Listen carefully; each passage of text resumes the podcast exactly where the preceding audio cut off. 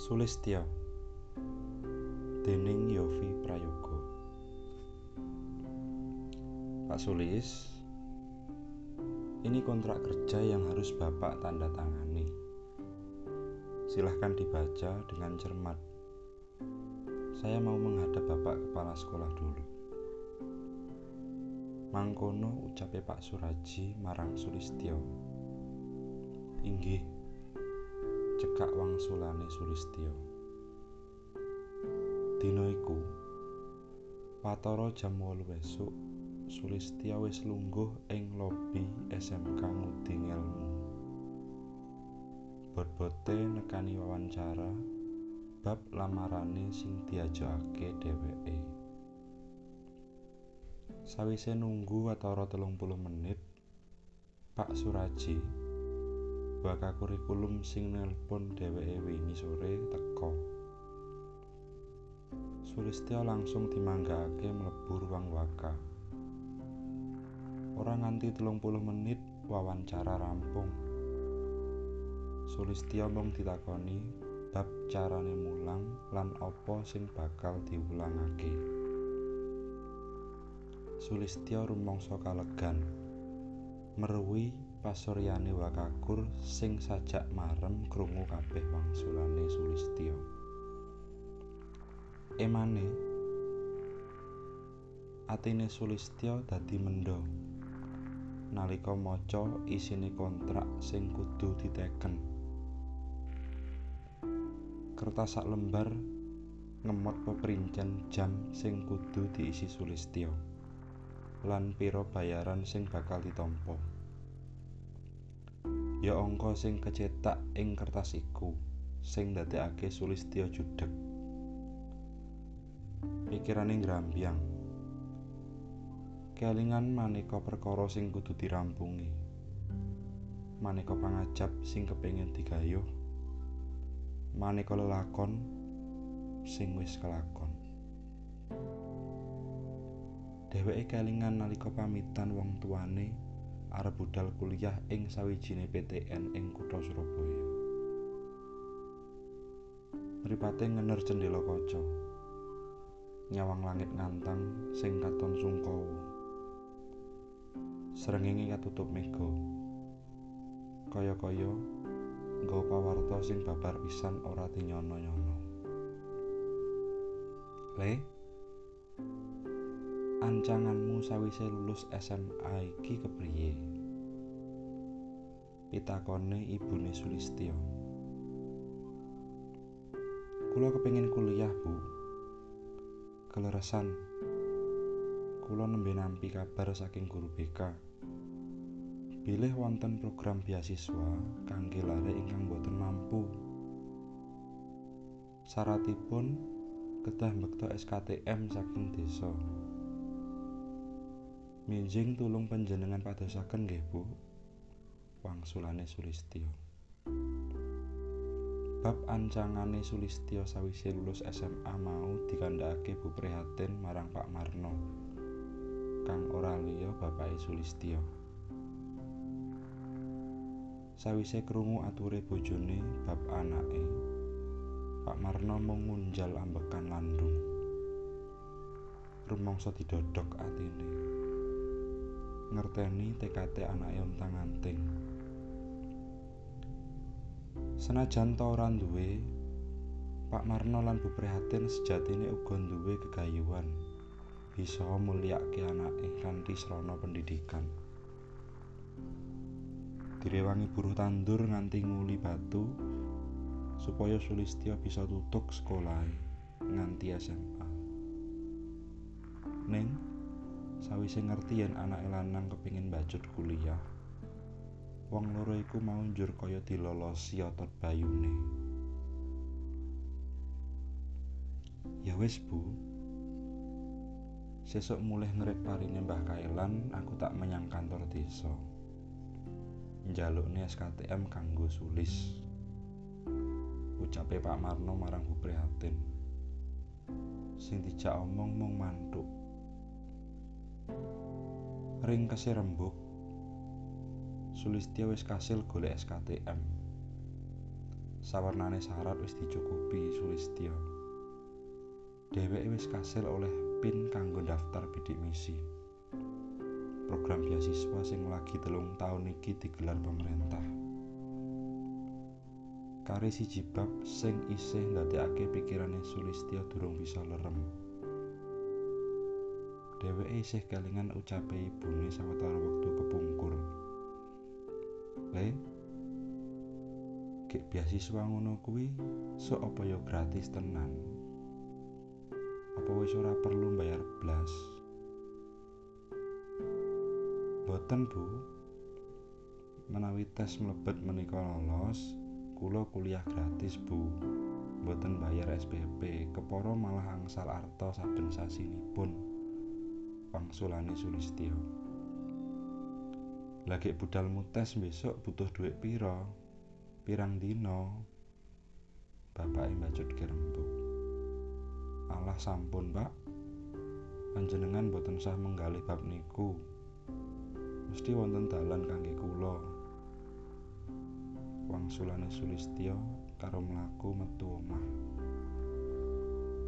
Wong tua loro padha sawang-sawangan. Sajak ngerti yen anake lanang ora karenan mengsuli rembuge. Nganti pirang-pirang dina, Sulistya durung bisa ngudari ruweting pikirane. Mikir kepriye carane bisa tekan lokasi tes lan mangan suwene rong dina sewengi ing kono.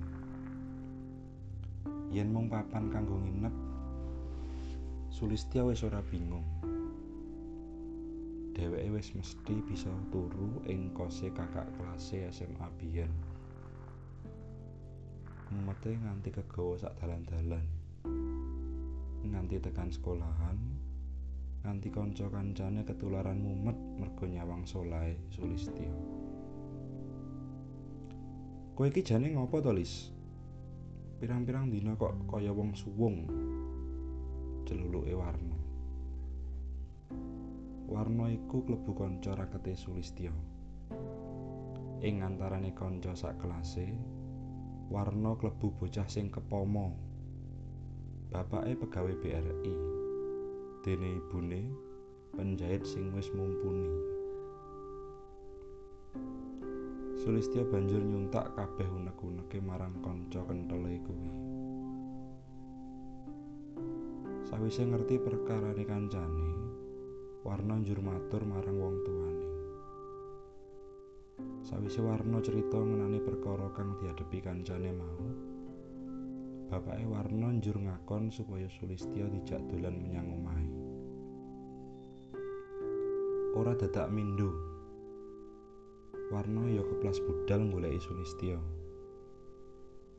Sing digoleki tepak lagi njlantrung ning emper omahe. Ora kakean rembug, Sulistya dibonceng numpak sepeda Jupiter abang duweke warna. Ing dalan Sulistya ndrindil oleh takon warna. Bab perlune dheweke kudu dolan. Warna mung nyauti sak kecape. Ora let suwe, wis tekan pelataran omahe Warna. Sulistya digandang mlebu omah. Pak Santoso, bapake Warna, wis ngenteni ning ruang tamu sinambi ngakep rokok.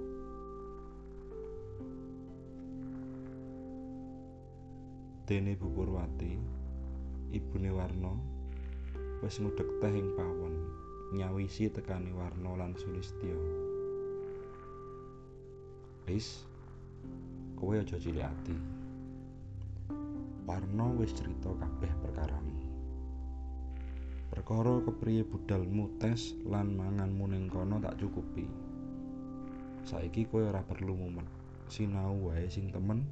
Sok ben tak pesenke karcis kreta karo Warna. Ucape Pak Santoso. Krungu tembunge bapake Warna kang kaya ngono mau. Sulistya ora kuwawa wangsulan apa-apa. Atine keronta-ronta.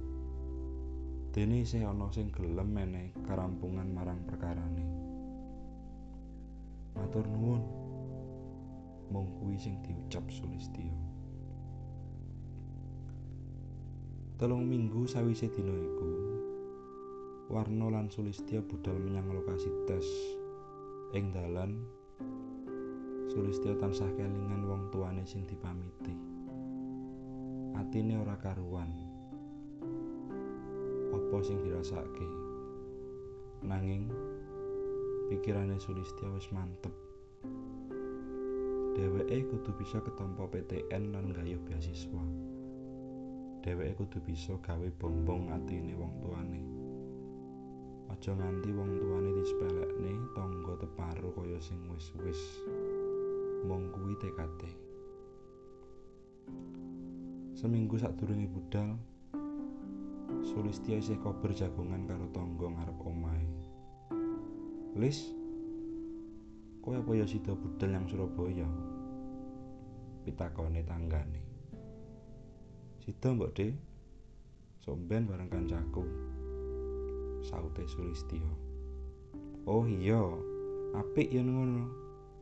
Tegese bakal ana kemajuan ing kulawargamu. Menawa wae kowe bisa ngangkat derajate wong tuamu. Ucape tanggane.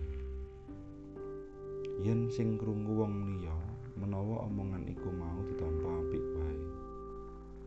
Nanging beda karo penampane Sulistya.